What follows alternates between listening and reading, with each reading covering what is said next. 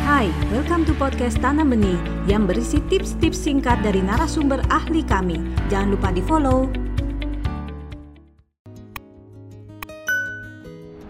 Hambatan dalam upaya orang tua menanamkan nilai-nilai kepada anak laki-laki itu secara umum biasanya karena orang tua lupa bahwa mereka adalah role model bagi anak-anaknya sehingga anaknya pun tidak dapat melihat penerapan nilai-nilai secara nyata dalam kehidupan di rumah sekalipun. Kemudian ada juga faktor bahwa ayah itu lupa untuk menjalankan perannya sebagai kepala keluarga dan juga pastinya role model utama bagi anak laki-lakinya. Sehingga si anak laki-laki ini tidak mendapatkan figur ayah yang tepat dan tidak mendapatkan figur ayah secara baik. Kemudian ada juga faktor peran ibu yang terlalu dominan dalam keluarga. Sehingga figur ayah pun menjadi tenggelam. Figur ayah menjadi tidak terlihat oleh sang anak laki-lakinya. Kemudian faktor pengasuhan dan relasi antar orang tua yang kurang baik. Ini bisa jadi terjadi karena pengasuhan orang tua yang tidak konsisten, artinya si ayah mengatakan A, si ibu mengatakan B.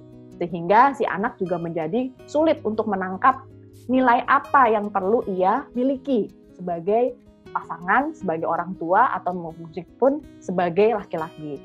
Kemudian juga faktor relasi orang tua. Ketika si anak juga melihat bahwa relasi orang tuanya tidak baik, maka ia pun akan cenderung menolak untuk belajar nilai-nilai yang baik dari orang tuanya. Karena anak laki-laki ini akan melihat bahwa tidak ada yang perlu dicontoh dari relasi orang tuanya bagaimana kita sebagai orang tua bisa melihat keberhasilan dari penanaman nilai-nilai tersebut. Kita sebagai orang tua sebaiknya perlu banyak mengamati sikap dan perilaku anak kita. Apabila anak kita sudah mampu mengadaptasi atau mencontoh nilai-nilai yang positif dan baik menurut kita, maka artinya pengasuhan kita atau bagaimana kita mendampingi dia dan memberikan contoh itu sudah berhasil.